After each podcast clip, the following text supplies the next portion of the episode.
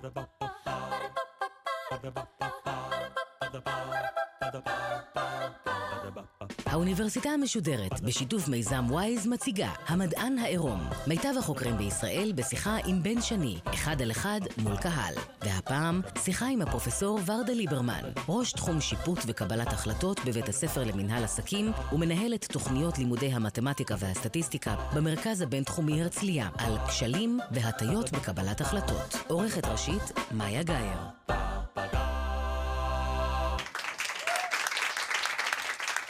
טוב לכם, האורחת שלנו הערב, פרופסור ורדה ליברמן, מתמחה בקבלת החלטות, מה שאמור להפוך את שני המפגשים הקרובים שלנו לכאלה שממש משתלם להאזין להם. הסיבה היא שבניגוד לרוב החוקרים שאנחנו פוגשים כאן, שעורכים ניסויים במעבדות סטריליות או מכונים מיוחדים, הניסויים של פרופסור ליברמן מתרחשים דווקא במקומות שבהם כולנו חיים ומתנהלים. למשל מחקר על האופן שבו אנחנו מנהלים משא ומתן על משכורת, או בוחרים טיפול רפואי, או מתווכחים על פוליטיקה, בלי להגיע לתוצאה.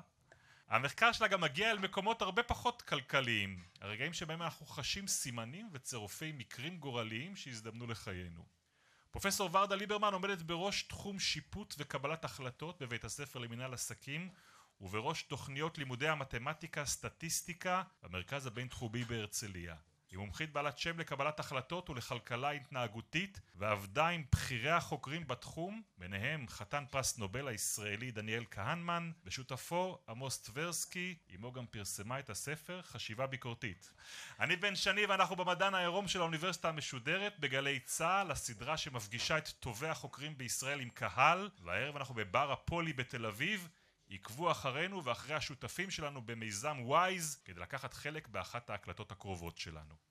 בואי באמת נדבר רגע על הקשר הישראלי. כי אני יודע שהתחום הזה, והזכרנו שמות כמו כהנמן, ולא הזכרנו עוד שמות גדולים ומוכרים, כמו פרופסור ישראל אומן חתן נכון. פרס נובל, ושמוכר פרופסור אה, דן אריאלי, יש איזושהי תחושה שמישראל יצאה תורה בעניין הזה של קבלת החלטות, כלכלה התנהגותית, זה נכון? האמת היא שכל התחום הזה התחיל במחקר של עמוס טברסקי ודני קלמן. שווה לספר, שני חוקרים צעירים מגיעים בסוף שנות ה-60 לאוניברסיטה העברית בירושלים. לאיזה בית ספר הם מגיעים? הם מגיעים לפסיכולוגיה. פסיכולוגיה בכלל. שניהם פסיכולוגים. סיימו דוקטורט בארצות הברית, כל אחד במקום אחר, לא הכירו ביניהם. אה, מגיעים לאוניברסיטה העברית בירושלים.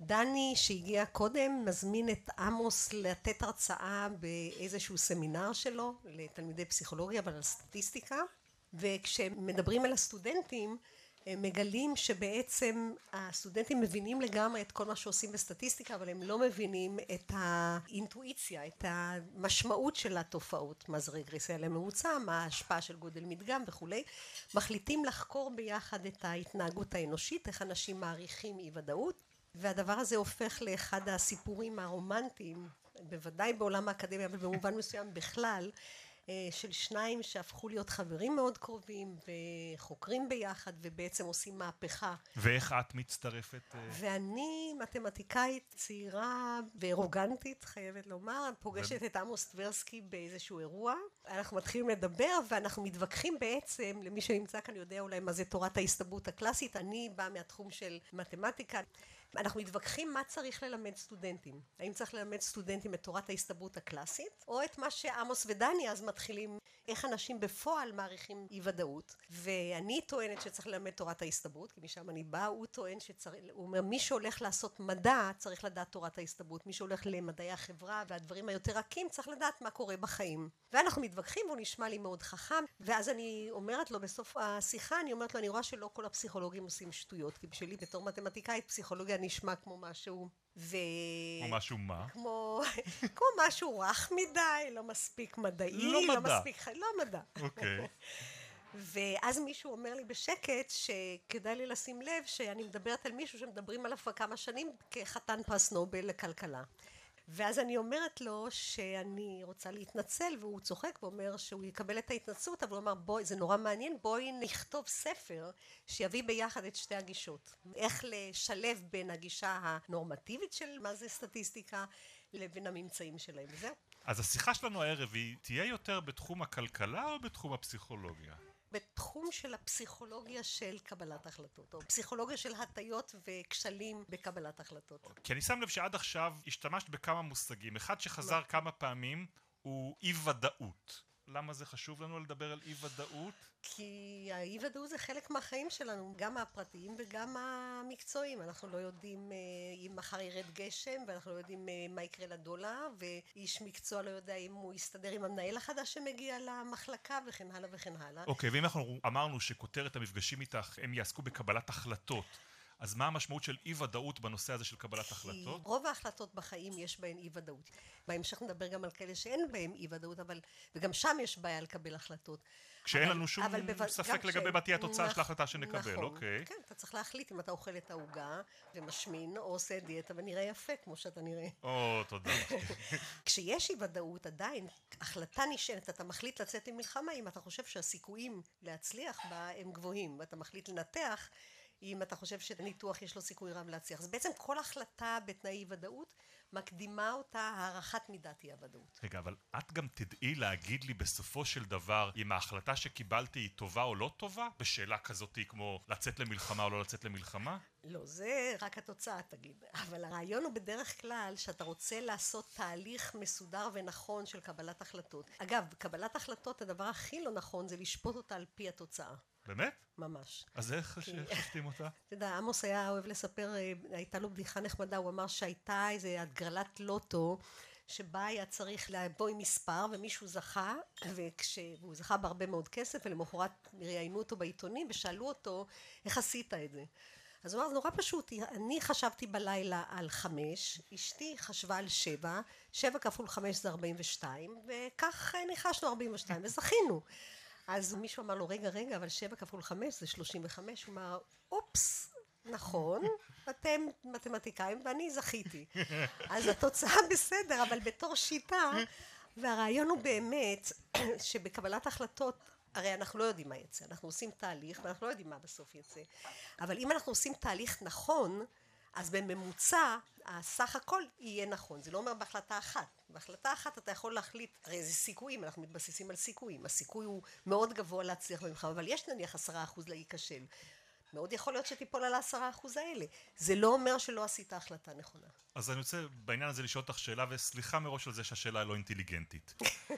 העובדה שאת מומחית בקבלת החלטות. זה אתה אומר, כן. ככה קראתי בביוגרפיה שלך, כן? זה אומר שאת יודעת לקבל החלטות יותר טוב ממני?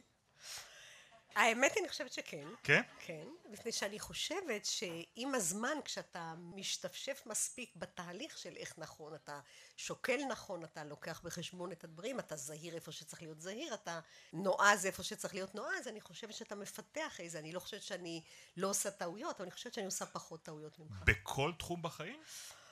אתה יודע, תכף נגיע לביטחון יתר, אבל אני חושבת שבכל תחום בחיים. כן? חשבתי שזה נכון רק לגבי, אני יודע, משאים ומתנים, איפה שצריך לא, לדבר לא. על uh, שכר או להתווכח על uh, מחיר של מכונית שקונים או משהו כזה. לא, אני חושבת שאתה מפתח באמת צורת חשיבה אחרת. חשיבה ביקורתית זה בדיוק לדעת לחשוב uh, באופן ביקורתי, להעריך מידע, לחבר את המידע, לדעת מתי לתת לו משקל גבוה, מתי לתת לו משקל נמוך. אני מאמינה שאתה מפתח איזושהי מיומנות, ואני, ואני חושבת שגם קורה לסטודנטים שלי. אני חושבת שאחרי שהם יושבים בכיתה, הם גם אומרים את זה. בהתחלה חלק מהקורס שלי מלמד אותם להטיל ספק. ואחרי איזשהו זמן, כמה שיעורים, הם אומרים לי, תקשיבי, את הורסת לנו את החיים, כי אנחנו פתאום מאבדים ביטחון. ואחרי עוד קצת זמן, הם אומרים, אוקיי, אנחנו מביאים את הרעיון, ובסופו של דבר, אחרי זמן מספיק, ולפעמים זה אפילו אחרי שמסיימים, הם טוענים שהקורס בחשיבה ביקורתית, קבלת החלטות, הוא הקורס החשוב ביותר, כי אני באמת חושבת, זה כלים, זה כלי חשיבה. תוכן ו- ומידע אפשר לתת המון. והוא גם משתנה, אפשר לקבל אותו גם באינטרנט וכולי. אני חושבת שללמד באופן סדור איך לחשוב, זה דבר יקר מפז. אז בואי נעשה דבר נוסף שהוא בלתי אפשרי, ונתמצת את הקורס שלך לסדרה של שני מפגשים. טוב. אוקיי, כלי ראשון. הכלי הכי חזק והכי חשוב זה מה שאנחנו קוראים מנגנון העיגון. עיגון. עיגון, מלשון עוגן. הרבה פעמים אנחנו נדרשים להעריך איזשהו גודל מספרי. נכון? אנחנו צריכים לדעת מה יהיה המדד בשנה הבאה, אנחנו רוצים להעריך מה יהיה ערך הדולר, כמה אנשים יגיעו למפגש שלי, מה הגיל של בן אדם שיושב לפניכם וכן הלאה וכן הלאה. עכשיו כל המנגנונים האינטואיטיביים הם התפתחו באופן, אה, זאת אומרת זה משהו אבולוציוני, זה דבר טוב. זאת אומרת, פיתחנו דרכים, מה שנקרא כללי אצבע, איך להעריך אי ודאות. זאת אומרת, אם אני רוצה לדבר על זה שאנחנו נעשה פגישה עם פרופסור ורדה ליברמן ביום שני בערב בתל אביב, אני מעריך שיהיו בערך 100 אנשים בבר. כן? איך הגעת לזה? אצבע. לא, אז, אז, אז זהו, אז הנה כאן נכנס כלל האצבע. אז כלל האצבע אומר שכשאין לנו מושג, כן. אנחנו מתחילים, צריכים להתחיל עם איזשהו מספר. אתה רוצה לדעת כמה אנשים יהיו? בוא נראה כמה אנשים היו במפגשים בדרך כלל. אה, אוקיי. מתחילים עם איזה מספר שהוא, יש לו משמעות. ואז אנחנו מתקנים כלפי מעלה, כלפי מטה. אם אתה חושב שאני לא מספיק מעניינת, אתה תוריד את זה. אם אתה חושב שאני יותר מעניינת, אתה... אבל אתה מתחיל עם מספר ראשוני שאתה מכיר אותו. וזה דבר נכון וזה דבר טוב. הבעיה היא שמתברר שאנשים לא מתקנים מספיק. כלומר, הם מתקנים אבל לא מספיק. זאת אומרת, התחלתי עם 100, אבל לא חישבתי שאת סופר אטרקטיבי בנושא הזה של קבלת החלטות. ובסוף יהיה לך פה הצבא. ובסוף יהיו לי פה 200. אבל זה לא בגלל שלא הערכת. המספר הראשון שמתחילים איתו בלי שאנחנו רוצים, מקבע אותנו. זה לא נורא במצבים כאלה, כי בכל זאת אנחנו קשורים למספר ההתחלתי, למספר ההתחלתי יש לו משמעות. Mm-hmm. אבל הבעיה היא שזה נכון גם כשהמספר הראשון ממש לא רלוונטי. אני אתן לך דוגמה. אוקיי. Okay. שאלו סטודנטים, לקחו בקבוק יין, קוט דרון, 98, יין oh, צרפתי okay. טוב. אמרו להם, תחשבו על שתי הספרות האחרונות של תעודת הזהות שלכם. אוקיי. אוקיי? שבע שש. יפה. ועכשיו שאלו אותם האם הם מוכנים לשלם שני דולר יותר משתי הספרות האחרונות. אוקיי. כן או לא, כל אחד תלוי בספרות. מה אמרת שהשנה? 98. 76 ועוד 2, 8, כן, הייתי, הייתי, הייתי, הייתי משלם. משלם. ויש כאלה שלא, ויש okay. כאלה אוקיי. שכן.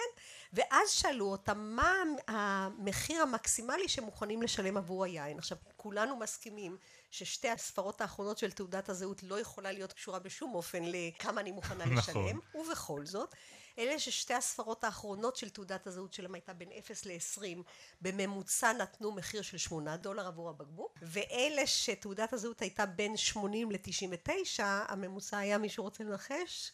100 דולר? לא, היה 27, okay. 28 כמעט. Okay. אוקיי. כלומר, יותר מפי שלוש. עכשיו, זה די מעליב, זה כאילו שאני אומרת לכם, תחשבו על מספר גבוה, ועכשיו תגידו לי כמה אתם מוכנים לשלם. כלומר, המספר הראשון, בלי שנרצה, ממש מקבע אותנו ומשפיע עלינו גם כשאנחנו יודעים ממש שהוא לא רלוונטי. רגע, בוא, בוא נדבר נגיד על מקום שבו תמיד יש מספר. אני רוצה לקנות מכונית. אז אני אלך לאדם שמוכר מכונית ביד שנייה, והוא יבוא ויגיד לי, לוי יצחק אדוני, בוא נפתח, מחירון. נכון. יש לנו עוגן ממנו אנחנו מתחילים. אז, אז כמובן שקודם כל, ככל שהטווח שעליו אנחנו מדברים יותר קטן, כך פחות משחק יש. אבל עדיין, נניח במחירי דירות. Mm-hmm. אתה הולך למכור דירה, כשאדם חושב שהדירה שלו שווה הרבה, הוא מציע מספר גבוה. כן. כשאנחנו מדברים על הטווח, כשמישהו מציע 20, 30, 50 אלף או 100 אלף, לפעמים גם 200 אלף, יותר ממחיר השוק, זה עדיין מחיר שמישהו יכול אולי, במחירים של המיליונים שעולות דירות, אדם יהיה מוכן לשלם את זה אם התחלת עם מספר גבוה. כלומר, תשימו לב, המספר הראשון שעולה על השולחן, בלי שאתם יודעים, קובע איך הולך להיגמר המשא ומתן. אבל אני מבין שבשוק הזה של מכוניות יש מחירון. בשוק אבל, של דירות יש שווי שוק. דירה לא. עולה מיליון וחצי בממוצע, נכון, זה המחיר שיעלה, נכון, איך אבל, אני יכול להרוויח אבל במס... כן. כי אם המוכר ייתן מחיר גבוה יותר, עכשיו שוב, אם, זה, אם יש מחיר מחירון הוא לא ילך לפי שלוש. אוקיי. יש מצעים ומתנים שהטווח הוא הרבה יותר גדול. אבל אפילו בדירה שיש מחיר מחירון, אבל הוא רוצה, הוא חושב שהדירה שלו שווה יותר, ותמיד יימצא, או לא תמיד, אבל לפעמים יימצא מישהו שיבוא ומוכן לשלם את זה, ואם הוא היה אומר את מחיר המחירון, היה משלם לו את מחיר המחירון. כלומר, אני אומרת, אתה יכול למשוך, כמה למעלה או למטה אתה יכול למשוך כקונה או כמוכר, תלוי כמובן בטווח הכללי ובכמה אתה חושב שמישהו יהיה מוכן לתת את זה. אבל את אומרת, אם אני רואה מודעה שבה כתוב דירת שלושה חדרים בתל אביב, הלוואי, מיליון וחצי אה, שקל מכירה, כן? האם אני יכול לעשות איזשהו משהו כקונה שישפר את המצב הזה לטובתי? תלוי כמה אתה רוצה את הדירה, תלוי אני רוצה, מה הטקטיקה הנכונה במשא לא, ומתן? אז ברגע שהוא נתן מחיר, אז עכשיו נורא תלוי האם המחיר שהוא שם הוא מחיר ריאלי. אם זה מחיר ריאלי, אז אין לך הרבה מה לעשות. באופן כללי אני מציעה לאנשים לא להתאהב בדירה אחת. כלומר, כשאתה מתאהב בדירה אחת ואתה בא לראות, אתה כבר שבוי של המוכר. אבל אני אומרת, נניח שאתה רוצה לשאת ולתת, אז אם המחיר שהוא מבקש הוא מתקבל על הדעת, אין בעיה, אז אתה עדיין יכול קצת להתווכח. אם הוא ממש לא הגיוני, נניח שהוא ב-50, 100 או אפילו יותר, יותר יקר ממחיר השוק שאתה מעריך, אז בהחלט אה, שווה להתמקח. עכשיו, אם ההצעה הראשונה היא גבוהה באופן קיצוני, אל תתפתו לתת הצעת נגד. לא לתת הצעת נגד בכלל. להגיד, זה לא בשבילי, תודה רבה. זה לא בשבילי, או תציע משהו אחר, עם זה אני לא מדבר. למה? כי בגלל עיגון, בלי שתרגישו. זה עובד עליכם. עזבי דירות, בואי נתפרע. אנחנו במדינת ישראל, לעומת הסטארט-אפ, בואי נלך על חברות, אוקיי? בחברה יש זה... לי סטארט-אפ, עליתי פה על איזשהו משהו נהדר, והגיעו החבר'ה מגוגל ורוצים לנהל איתי משא ומתן על קניית הסטארט-אפ שלי, אז, אוקיי? אז זה בדיוק הדוגמה איפה זה יכול ממש לעבוד, כי באמת אין מחיר שוק. וכאן העצה הכי חשובה היא איסוף מידע. כדי לשאת ולתת כמו שצריך, אתה צריך שיהיה לך מידע. בגלל עיגון אתם רוצים שההצעה הראשונה שלך תהיה אמביציוזית ככל האפשר. אמרנו אנחנו רוצים להגן גבוה.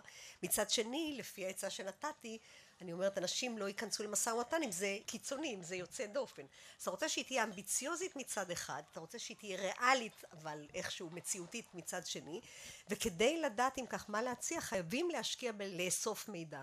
הסטודנטים שלי אומרים תמיד אי אפשר הכל לדעת. כמובן שאי אפשר לדעת הכל, אבל יש הרבה שאפשר לדעת בלי שאנחנו אפילו מתאמצים. אתם יודעים, בארץ אנשים הולכים לראות דירה. הולכים פעם אחת, הולכים פעם עם בן הזוג, כשרוצים לבוא פעם שלישית כבר לא נעים. עכשיו יש כל כך הרבה מידע חשוב, כמו למשל לבוא בבוקר כשיש רעש אולי, ובלילה כששקט, לנסות לראות מי הם השכנים, אם יש רעש, האם הצבע החדש על הקירות מכסה על משהו שאולי בא להסתיר, האם פונים גן למטה, או יש גן למטה.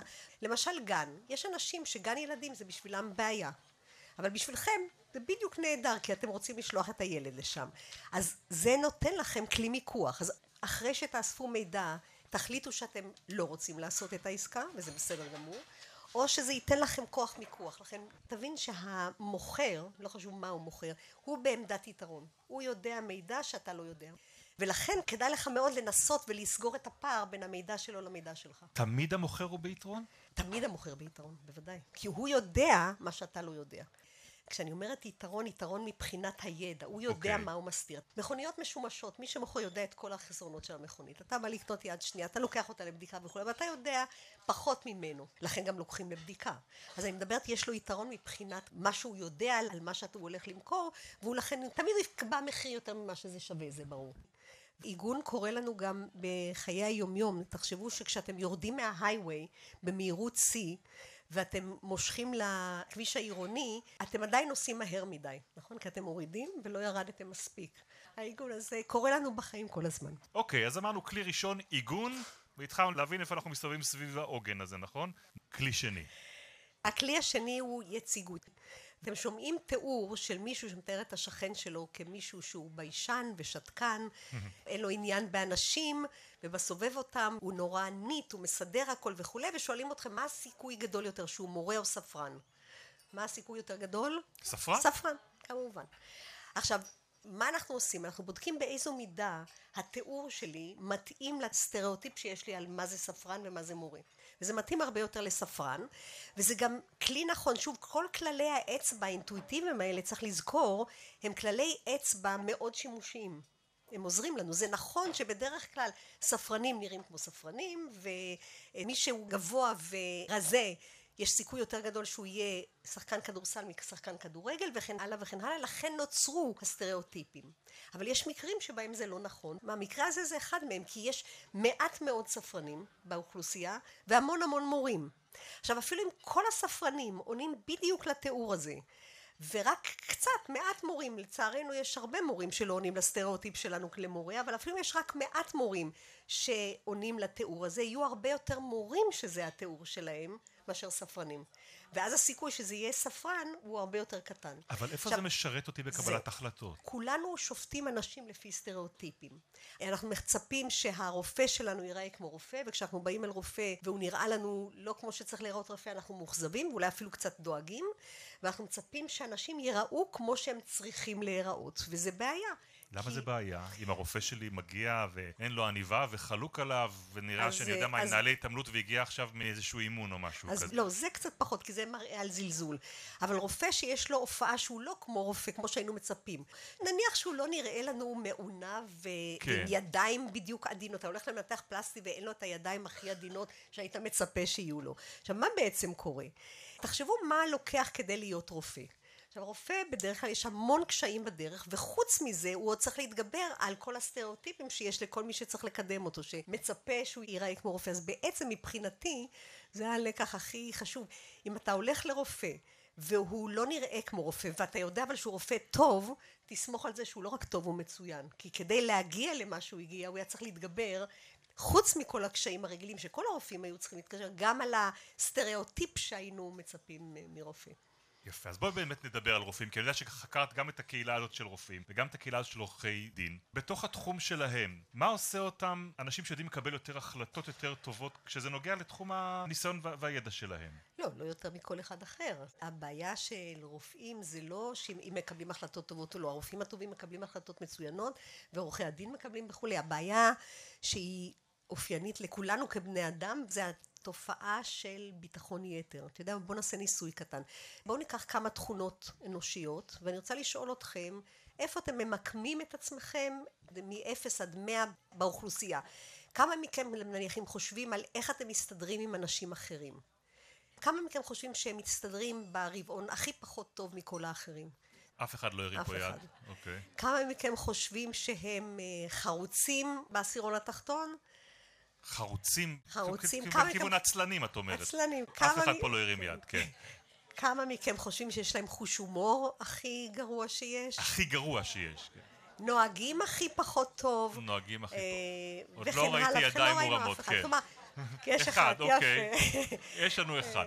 הבנו את הרעיון. אף הרעיון אחד- הוא כן. שכולנו חושבים שאנחנו מעל הממוצע, אנחנו נוהגים יותר טוב מהממוצע, אנחנו אה, מסתדרים יותר טוב מאחרים וכן הלאה. יש יוצא מן הכלל אחד, זה שאנחנו לא חושבים שיש לנו ביטחון יתר יותר מהממוצע כמובן. אה, אוקיי. אז זאת תכונה אנושית טבועה בנו, והיא אפילו תכונה שעוזרת לנו בחיים. אגב, שיעור הגירושים בתל אביב, אתם יודעים, הוא מעל 50 אחוז היום.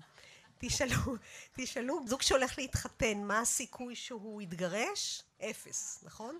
לנו זה לא יקרה. תשאלו עורכי דין שמתעסקים בגירושין על הנישואים שלהם, הסיכוי מאוד קטן שיתגרשו. אתם יודעים, אה, סמואל ג'ונסון אמר, זה לא שהאנשים האופטימיים מתגרשים פחות, הם מתחתנים יותר. מתחתנים פעם שנייה יותר. והוא אומר, פרק ב' בנישואין זה ניצחון התקווה על הניסיון. באופן כללי אנחנו אופטימיים, אנחנו חושבים שאנחנו יודעים יותר מהממוצע, שאנחנו יודעים לנבא יותר טוב מהממוצע, שאנחנו טובים יותר מאחרים מהממוצע. וכתכונת אופי, אם זה היה מוגבל רק להערכה עצמית, זה לא כל כך נורא. כי לא נורא להסתובב בעולם ו... ולהרגיש טוב עם עצמך. הבעיה היא שזה גם קורה אצל מומחים בתחום המומחיות שלהם, וזה כבר יותר מדאיג. שאלו עורכי דין בהולנד, כן. הם הלכו למשפט, שאלו אותם מה הסיכוי שתצליחו במשפט שאתם הולכים אליו, ביטחון של 90 אחוז, הצלחה של 45 אחוז. לקחו רופאים, אני רוצה להדגיש, זה לא מאפיין את המקצועות. זה מאפיין מצבים מסוימים. לקחו רופאים ושאלו אותם, ביקשו אותם לאבחן סימפטומים של שיעול וברונכית וכן הלאה, האם יש להם או אין להם דלקת ריאות ועד כמה הם בטוחים, הביעו ביטחון של 90 אחוז, צדקו בפחות מ-50 אחוז. שוק ההון, כולן מי שכאן משקיע, אני לא יודעת אם אתם אה, נראים לי צעירים מדי בשביל להשקיע, אבל בשוק ההון אחת הבעיות הגדולות זה שאנשי שוק ההון חושבים שהם יודעים לנבא מתי השוק יעלה, מתי ירד, כתוצאה מזה הם נכנסים, יוצאים יותר מדי. עושים יותר מדי עושים יותר פעולות מדי, בתיק. בדיוק, והתוצאה היא אפסית. אני לא יודעת אם אתם יודעים, העשור הכי מוצלח בשוק ההון הישראלי היה בין 96 ל-2007, או העשור הזה בערך. הבורסה עלתה ב-300 אחוז. הציבור בקרנות נאמנות הפסיד 58 אחוז. למה? אם היו אנשים נשארים כל העשור הזה על אותה קרן, ממש, קרן או כל או דבר. בדיוק. מה, כזה, כן, כן. בדיוק. מה הבעיה? אימא שלי בזמנו הייתה, זה, זה, היא דוגמה קלאסית. היא הייתה אומרת לי, מה לעשות עם הכסף? היא אומרת לה, כדאי לה להיכנס לשוק ההון. למי שמחזיק כסף פנוי לאורך זמן, זה הדבר הכי נכון עד כה. אז היא הייתה אומרת לי, לא, לא, אני לא נכנסת לשוק ההון. ואז מכולם כל החברות מספרות לה כמה הכל עולה. מתי נכנסת? כשזה גבוה. אוקיי. ואז היא נשארת, ואז היא לא עושה כלום, ואז כשקורה משהו בשוק ההון, ותמיד קורים דברים, היא מוכרת ומממשת. לא, כן. אז היא לא מוכרת, כי ורדה אמרה, כי אני אמרתי לה לא למכור, והיא לא מוכרת ולא מוכרת ולא מוכרת. מתי היא מוכרת? כשכבר היא מאבדת את העצבים, איפה? הכי נמוך. וזה מה שקורה לאנשים בדרך כלל. אם רוצים להיות בשוק ההון, צריך להיות שם עם אבל לא. דיברת על אימא שלך, דיברת על המומחה לשוק ההון. לא, אני הסברתי מה קרה להדיוטות. כן. אבל ליועצים בשוק ההון יש בעיה שהם עושים הרבה יותר מדי פעולות. אלה שלא מבינים שצריך להחזיק לאורך זמן. אבל למה זה בעיה אצל עורך דין? ולמה זה בעיה אוקיי. אצל רופא? אני חושב שהבנתי כשסיפרת לנו על שיעורי ההבחנה של דלקת אה, ריאות. אז אפשר גם להגיד על יזמים. למשל, יזמים, אני לא יודעת אם אתם יודעים, אבל בערך אה, 33% מהסטארט-אפים שמתחילים בארצות הברית, 33% מהם בלבד מצליחים. וכששואלים את היזמים כשהם נכנסים לזה כמה הם בטוחים, ביטחון של 80-90 אחוז. אבל אנשים אומרים, טוב, אי אפשר להיות יזם בלי זה. אבל צריך לזכור שזה נכון על אירוע חד פעמי. תחשוב על עורך דין. הוא רוצה בתיק מסוים להוציא מקסימום כסף, אז הוא אומר בוא נלך למשפט.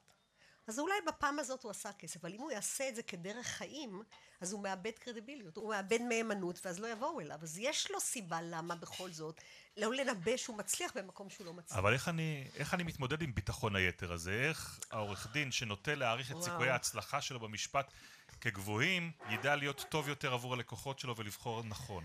תופעת ביטחון היתר היא אחת התופעות הכי אה, דרמטיות במובן שנורא קשה להתגבר עליהן. כמה שתנסו לתקן, קודם כל תנסו לתקן, כשאתם חושבים על, על משהו ואתם בטוחים, נסו לתקן, עדיין יהיה לכם אובר ביטחון. וחוץ מזה, אם מדברים על הנאה לפעולה, אז נורא צריך להבחין בין הקשר התכנון והביצוע. כשאתם נמצאים כבר בתוך מאבק, ביטחון יתר בהחלט יכול לעזור, ובאמת לביטחון יתר יש יתרון. אדם שהוא חולה, מאמין שהוא יצא מזה, ולפעמים זה עוזר לו. וכשאתה נמצא בשדה הקרב, לא חשוב קרב צבאי או פוליטי או, או ספורט. גם בספורט. אתה יודע, אתה רואה לפעמים אה, קבוצות נלחמות עד חורמה, עד הרגע האחרון, ודברים קורים. אז ביטחון יתר, כשנמצאים כבר בתוך מאבק, הוא בהחלט עוזר. ביטחון יתר גורם לנו להיות נועזים בלי להכיר בסיכון. זאת אומרת, זה לא נועזות מתוך הכרה בסיכון, זה בסדר גמור להגיד, אני יוצא למלחמה, אני מבין את הסיכונים, אני יוצא למלחמה, כי אני חושב, במכלול אני צריך לצאת. לעומת מי שאומר, הסיכונים הם לא כמו שאתם מספרים לי. כדאי באמת לעשות הפוך. מה שקורה לנו כבני אדם, אנחנו בקטע של תכנון. אנחנו מאוד נועזים, אנחנו מתעלמים מהסכנות, אנחנו אומרים הכל יהיה בסדר. כשאנחנו נמצאים שם, ברגע שיש קושי הכי קטן, אנחנו נבהלים ובורחים. והטענה היא שצריך לעשות בדיוק הפוך. כדאי להיות מאוד שמרן וזהיר בתכנון. בתכנון תחשבו על כל הסיכויים וכל הסיכונים ומה עלול לא ללכת בסדר וכולי. ויכול להיות לכן שחלק מהדברים שלא צריכים לקרות לא יקרו. אז יזם שיעשה את זה באופן רציני, אולי הוא יבין, אין לי, אין לי גב, אם יקרה משהו אני מאבד את הדירה, ולא כדאי לי להיות שם.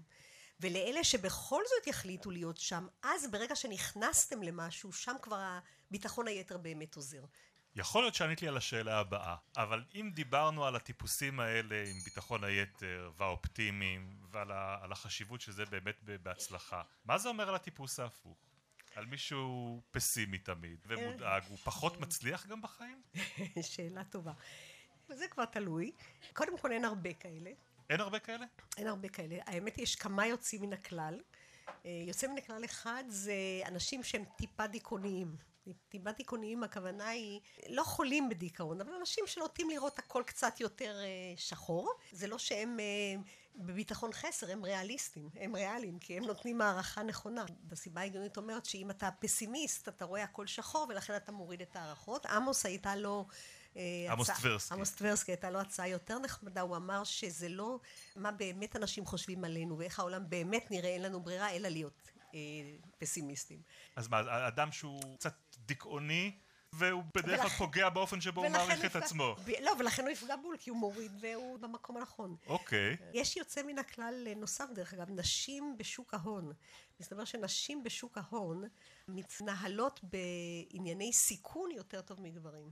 הנה, חסכת לי שאלה שתכננתי לשאול אותך בסוף. יש הבדל בין המינים. לא חסכת, אבל כן, באמת, בעניין הזה. אנחנו דיברנו עד עכשיו כאילו אנחנו מדברים על בני אדם, ואין הבדל בחלוקה בין המינים לגברים ונשים. בעניין של ביטחון יתר, ובכלל, ב- לצערי ברוב הדברים אין כמעט הבדל. אבל כאמור, יש כמה, זה, שני היוצאים מן הכלל זה אלה שהזכרתי, ויש עוד אחד. מצאו שבנות בגיל ההתבגרות חושבות על עצמן פחות טוב ממה שהחברות שלהן חושבות עליהן. וזה גם יש לזה הסבר, כי... איך יל... בודקים את זה? באותה דרך שחוקרים ביטחון יתר, חושבים מה היא חושבת, מה אחרות חושבות עליה, ומגלות שאחרות חושבות עליה יותר טוב ממה שהיא חושבת. והסיבה היא שבנות בגיל ההתבגרות מבלות הרבה זמן מול המראה, ורואות כל פגם ופגם. והחברות שלה הן רואות אותן כמכלול, אז עד שהן לא אומרות להם, יש לי אף גדול, יש לי אף גדול, אף גדול, ובסוף כולם חושבים כך, אז עד אז רק הן רואות את זה. אז זה עוד יוצא מן הכלל נחמד שהתגלה במחקרים. פרופסור ורדה ליברמן, אל תלכי לשום מקום. אנחנו נפרדים עכשיו מהמאזינים שלנו בגלי צה"ל, הם ישובו לשמוע את המשך המפגש איתך בשבוע הבא. עד אז אנחנו נשארים עם הקהל כאן בבר בתל אביב, ואומרים גם להם וגם לכם כאן, לילה טוב.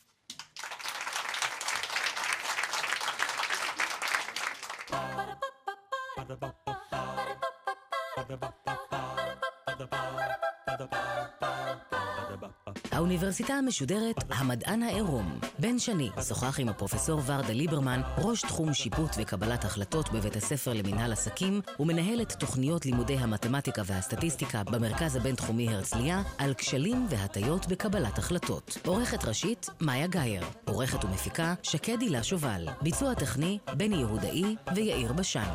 האוניברסיטה המשודרת, בכל זמן שתרצו, באתר וביישומון גלי צה"ל ובדף הפייסבוק של האוניברסיטה המשודרת.